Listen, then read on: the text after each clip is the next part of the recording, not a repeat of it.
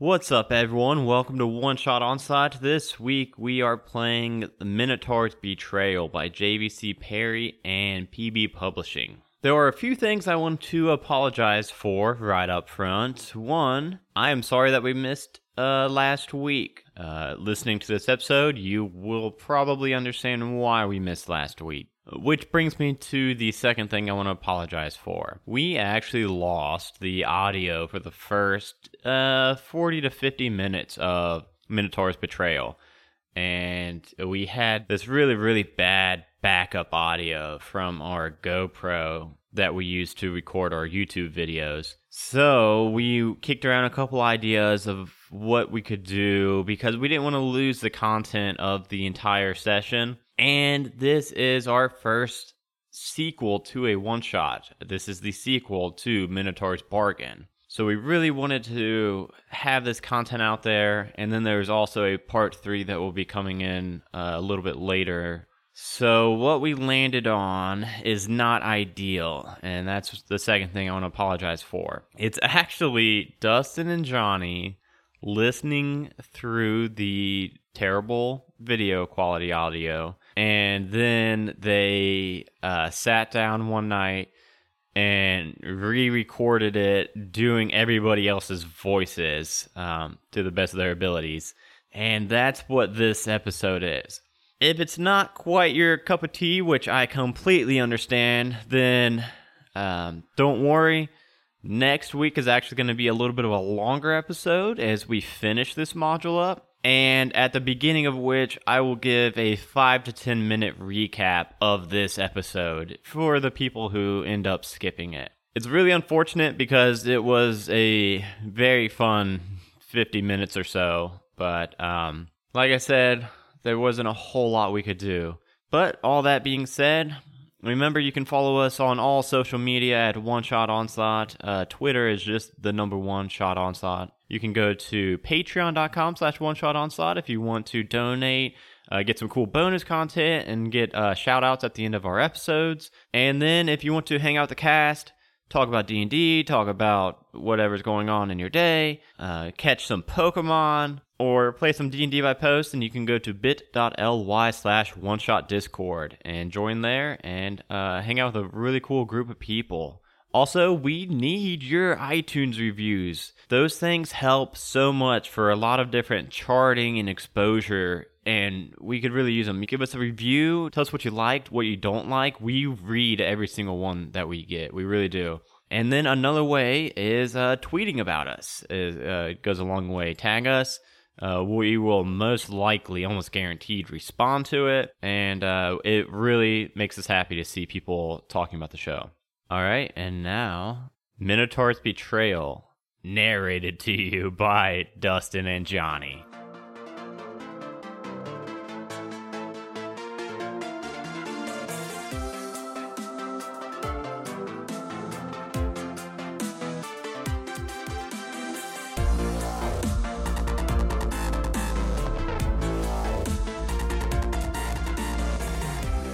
Start tonight off in Ravens Point. Ravens Point, yes. Strange place. Phandalin. Fandolin, no. Ravens Point, yes. More specifically, the gates of Ravens Point. We are getting ready. Wait, wait. We need to be inspired.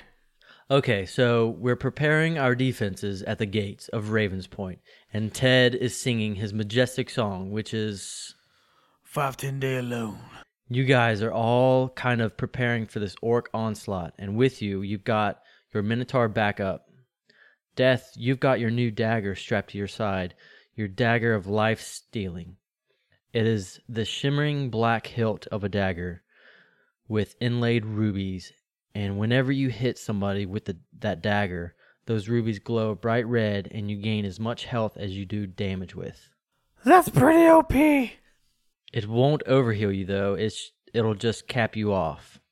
I'm just gonna get rid of my my curse dagger. I'm gonna throw it on the floor. I pick it up. You might want to keep it and throw it sometime though. If somebody's like far away or something. Nah, I'm gonna give it to Lord Shot Snow. He's only going to use it to open like a pack of hot dogs or something. Yeah, yeah, and like whittle some sticks.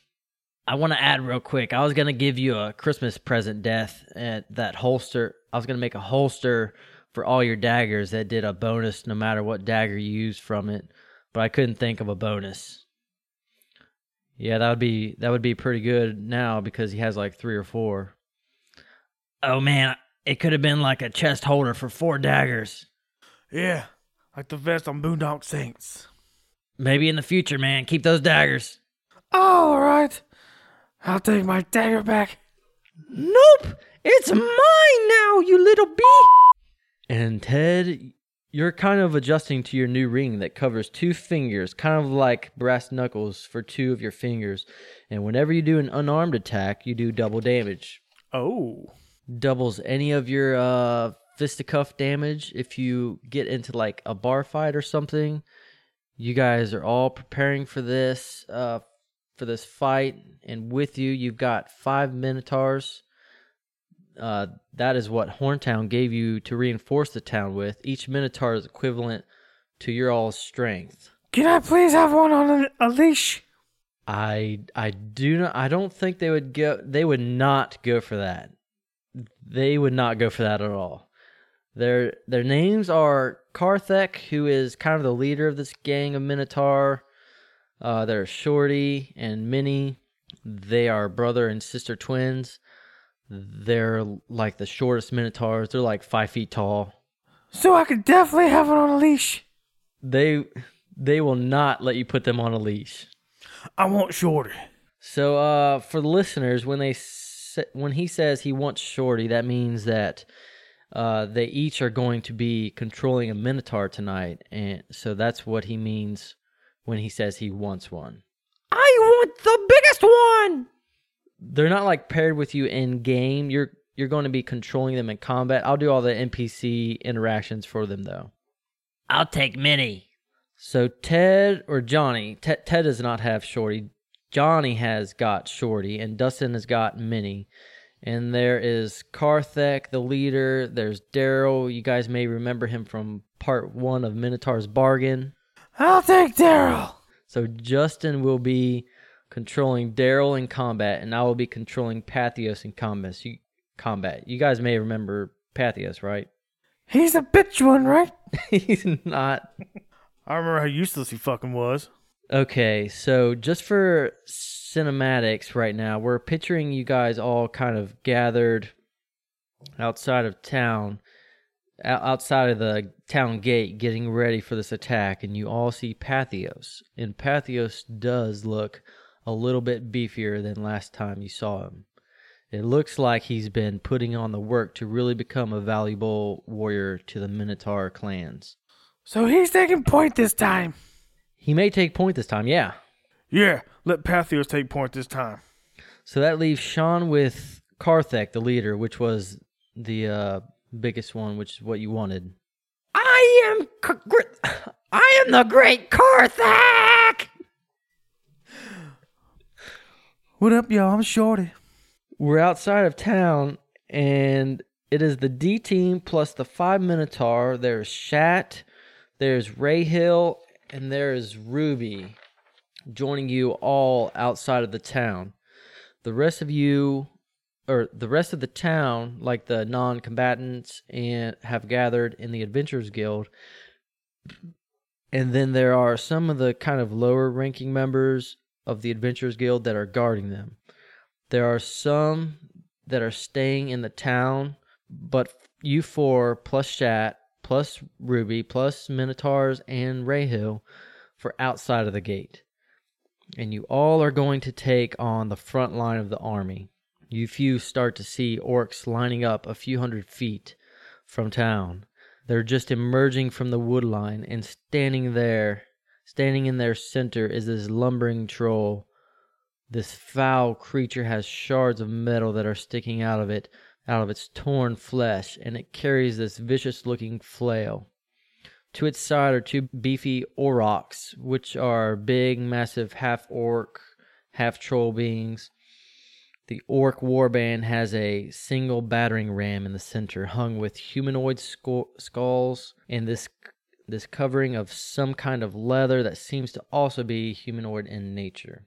Behind the front ranks stand a handful of hideous, bloating orcs covered with boils and tumors, tended by a slight orc carrying a staff. As they form up, they begin a war chant that sends shivers down your spine. I don't know, maybe. I'll show them my helicopter. Death gets his pants off really quick, instant naked. I'm picturing Death in a full tearaway suit. They're trying to intimidate us, and I'm trying to intimidate them. Let me see if they're intimidated. I'm going to roll these new dice. Three.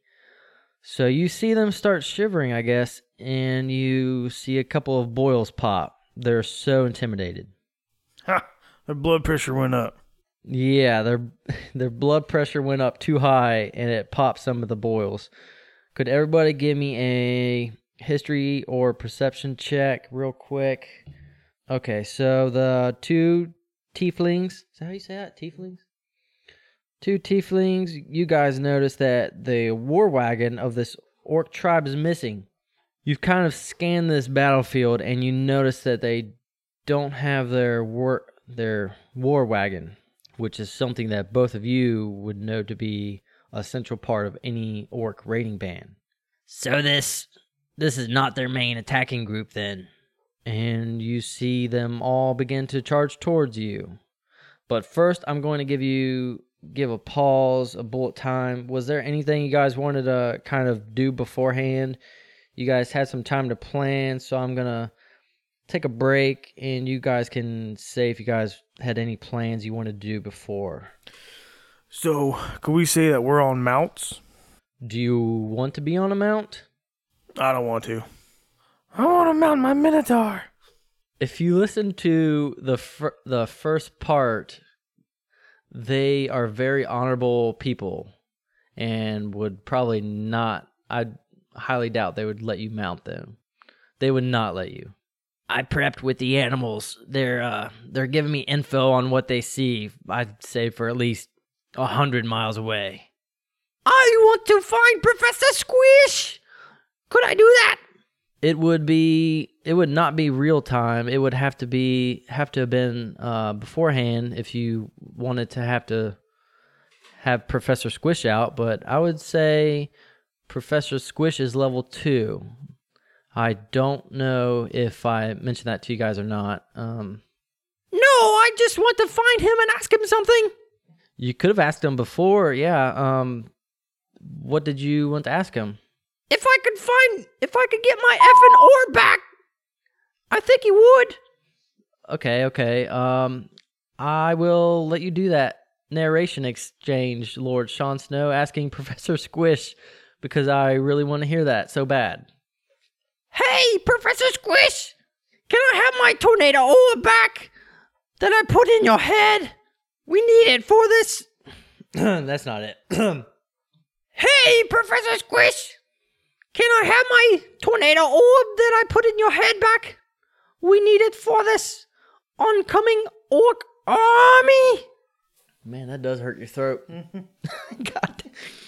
I am the great Professor Squish. And you may have this all back to save Raven's Point, good sir. Here you go. Anything else? I I pull it out of my butt cheek and I hand it over to Lord Snow. Have a good day and best of luck to you in this orc crap house. Please save our town, good sir. Professor Squish is a lower ranked member, so he will be guarding the Adventurers Guild and the civilians. Uh, he's he's one of the last lines of defense, but that exchange we will say happened the day before. It's not like you saw this army coming and you ran around looking for Squish. Uh, did anyone else want to prepare for anything? We made the uh we made ditches with some spikes and And them like some traps, about ten of them in a circle around us. just ten?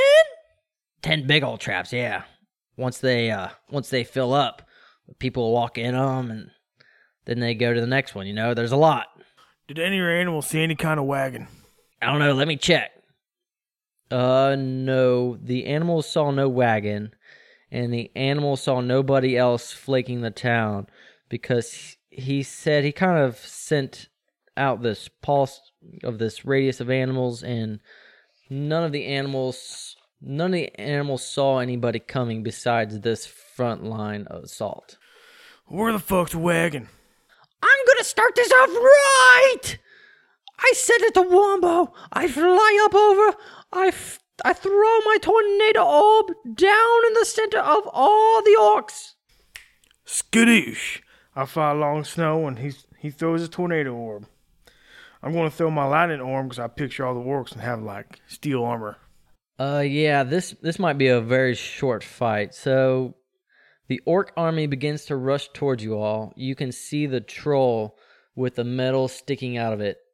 He seems to be kind of the leader with his two bodyguards next to him. But other than that, you see about 12 orcs coming at you. They were about 100 feet away off in the woods. Uh, and as soon as they came running at you, you see front like three orcs fall into the spike pits, but they start climbing back up. Uh, you see the other others act a little bit more cautious now that those fell in, and they're kind of sidestepping on the lookout for traps. I'm gonna do a perception check on these metal shards in this dude, and I got a twelve. It looks like the metal shard shards are kind of like holding him together. We're going to go ahead and roll initiative though.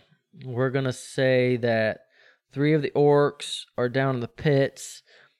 And so we just found out that the lightning storm affects everyone in a mile. They take 10d10 lightning damage if they fail a DC 15. Oh wow! You guys are going to be in that mile. Oh no, he's Womborn and I'm Skadooshing. We're going to be at 1.1 miles and up 1.1 miles. Well, that's that's pretty far. I'll see you guys later, I guess. Ah, no! Ted! Save that save that orb and I'll I'll drop the other one. I'm gonna try and get it so that you guys could have planned this, but I can't change the math of D and D. It would take you guys at least 30 turns to get back from where you were. I set up a Rube Goldberg extreme machine. I did. It's out in the woods. I also built the catapult four ten days ago. Yeah. Catapult that crap. My catapult can shoot up to 1.8 miles. So Ted shot off a catapult, and Lord Sean Snow explained to me your Rube Goldberg machine, and we will we will make this work so that it's gonna just hit them and not Raven's Point. You know. Rube Goldberg crap. But I need to know what Lord Sean Snow would make this machine out of. Like what parts and stuff. So a fish slides down a slide, and the fish hits a ball, and the ball rolls really far, and then it hits a child. and when the kid flinches, he knocks the thing over with a string. The string the string drops to a another ball that rolls through a tunnel of Faerun magazines. Yeah. Then with with it comes out. When it comes out, it uh it hits a sleeping giant in the head. The sleeping giant is so upset, he shits himself. The shit hits another lever. and when the lever activates, it drops another slide, going from horizontal to at an angle, and it drops five balls. I, I have no idea about these five balls. They spread out and uh uh shoot, I don't know, I'm lost. And then the flying balls, they hit the little furry animals, and they kill the animals. Uh and then I I intercept. No, no. You lost your turn. You forfeited your turn. Uh nope, nope. This is uh this is 1.8 miles away. So the animals died, and they rolled down another hill. Wait. Did did we set this up ahead of time? No, no. Uh Lord Sh- Lord Snow set this up ahead of time by himself. So the dead animals roll down the hill, and then it hits another catapult, and the catapult throws a lightning orb exactly 1.8 miles from us. Yeah. So the fish I hung it up on a tree and I timed it just right. That when the tail rotted off, I look around and say, Hey, are you guys ready for some cool crap? Yeah, Jon Snow and his has his hand up giving a countdown. It, it's a bright, sunny, clear day out. He counts it down perfectly. As soon as he gets to one, the orb shatters, and you guys in the lightning storm just pops up, and these lightning bolts start coming down. So now every turn, all these guys will have to roll a dex save or take the 10d10 of damage. Ted also set up uh his catapult for the tornado orb. This fi- this fight is going to be mayhem. So, Death, you are up first. You see this tornado and this lightning storm kind of wr- wreaking havoc on the armies at the moment. I'm going to spread, I'm going to cast acid splash on the tornado, so it spreads to everyone. Yeah, like I said, this fight is going to be mundane now with with all this with all this crap going on. So I feel like the contraption should have flipped an egg at some point. you see, you see about six of the orcs get splashed with this poison, slamming on their armor. Their arms getting eaten away. It's landing on their skin and it's burning these holes into them. Can you get pink eye from acid spray? Probably. Uh, you see a few get pink eye. I guess. I guess I'll go ahead and do the tornado damage. Uh, the tornado also does 10d10. They're all dead. So I'm I'm doing three saves. I'll do three for the six orcs and six of the orcs, and then the troll and his two guards. So, how many orcs are we talking in this army? So that's the thing. This isn't really looking like a full army to you. You guys are seeing twelve enemies total. Yeah, they uh they they didn't have uh the caravan, man. They're somewhere else. Why did we waste that crap? In my defense, I did say twelve orcs somewhere. I don't remember this. I don't remember this either. So six of the orcs dodge out of the way of the tornado. Six of the orcs got sucked up into the tornado. And the troll leader and his two bodyguards also get effing sucked up into the tornado. So Sean and Johnny, go ahead and roll for the tornado and lightning. I got an 80. Oh, plus that poison spray death did. 45. They dead. Uh, let me let me check some HP real quick, but I'm not arguing with you guys. I I think you are right. They're probably dead. Most of them are dead. I I think we put them out of business. You see this warband of orcs and trolls, a dozen rushing the town. You know, you know, you guys. I've been preparing for this, and uh, like I said, Ted and Death both come to notice like, why is this war wagon not with them? And as they start rushing you, the catapult tornado goes off, and that Rube Goldberg contraption goes off, and you see a couple of the orcs fall into these pits, and then you see the tornado start to s- suck up those remaining, remaining, those remaining, and you see the lightning just start to come down on all of them. As the tornado kind of dies down, though, you see the remaining of that war band that was going to be attacking the town all fall from the sky and just hit. And you are all just standing there ready for them to attack, and there's no movement left on the horizon at all. It's just all still. And then you see Pathios point to the north, and he says, Oh, guys, look at that smoke up ahead. As you all look to the north, you see this column of smoke coming out, and he says, Oh, that's Horntown. All the Minotaurs at once begin to sprint for Horntown. Oh shit. Jump with the Daryl's back. I thought I thought we were going to save our town. Now we gotta go save Horntown. I call my mount freedom. that that's more of a hoodle. So these uh Minotaur are sprinting towards Horntown, and you guys know that Horntown by foot walking is about an eight-hour trek. I'm on Daryl's back. So Death says he's jumping on a Minotaur. Uh, Ted called Freedom. Uh, how are you? How are you two going to get there? If you de- if you decide to sprint, you will gain a point of exhaustion. I'm going to just use my belt. I'm gonna jump on my griffin and ride there. I got Shorty on the back with me. Oh, you're going to pull Shorty onto Freedom with you? I wish I knew what it was like to own a griffin. Well, you would know. He had a griffin out for a little bit. That's not in the podcast anymore. No, it's not in a podcast, so it's not canon anymore. Uh, spoiler: He did have a griffin for a little bit, uh, but he ate it by choice. I tried to stop him. That was my first taste for meat. Yeah, that's what started it all. So, so Death is riding on Daryl. He's kind of grumpy at the moment, but he's focused on his tax task ahead. He doesn't even know I'm on him. Death is so goddamn sneaky that Daryl doesn't even know he's on his back.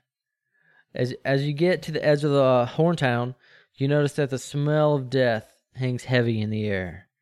There is a highly noticeable large plume of smoke billowing from the sky somewhere near the center of the camp. Although the camp is deathly quiet, the silence of battle are clear. The earth around is churned from foot from hooves. Some patches of ground are stained with blood, and you also notice visible signs of wagon wheels. The Minotaur settlements, as you guys entered it, is an awful sight.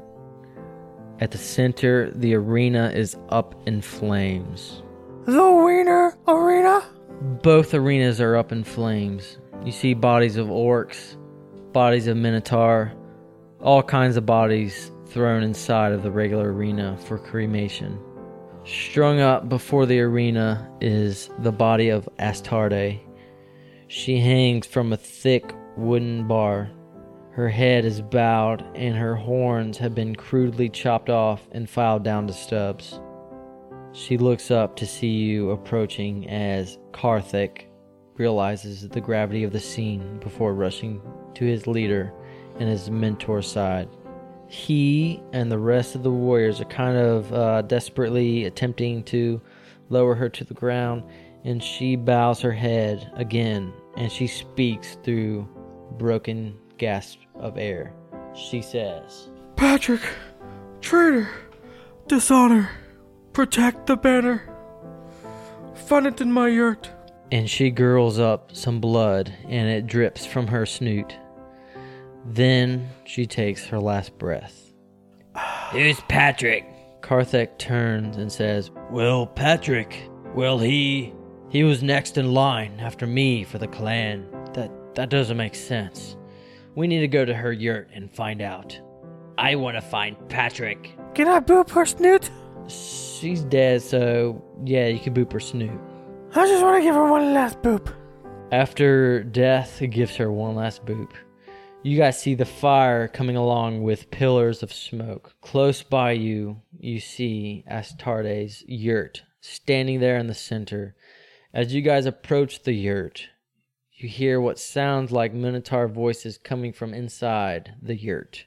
You hear different voices popping in and out. How easy was that? All they wanted was a dirty banner, and they gave us Horntown. And the rest is kind of lost to you. All right, guys. There's traitors in this yurt. We need to burn this yurt to the ground because all the traitors are in it. We we just burn. Fireball! Burning hands! You guys are currently walking up to it. Karthak is leading the way, and you all you have all your mentor minotaurs with you. He kind of relays this to you all, uh, so you guys know the traitor Patrick is in this yurt, and it sounds like he gave up the banner that Astarte asked you all to protect.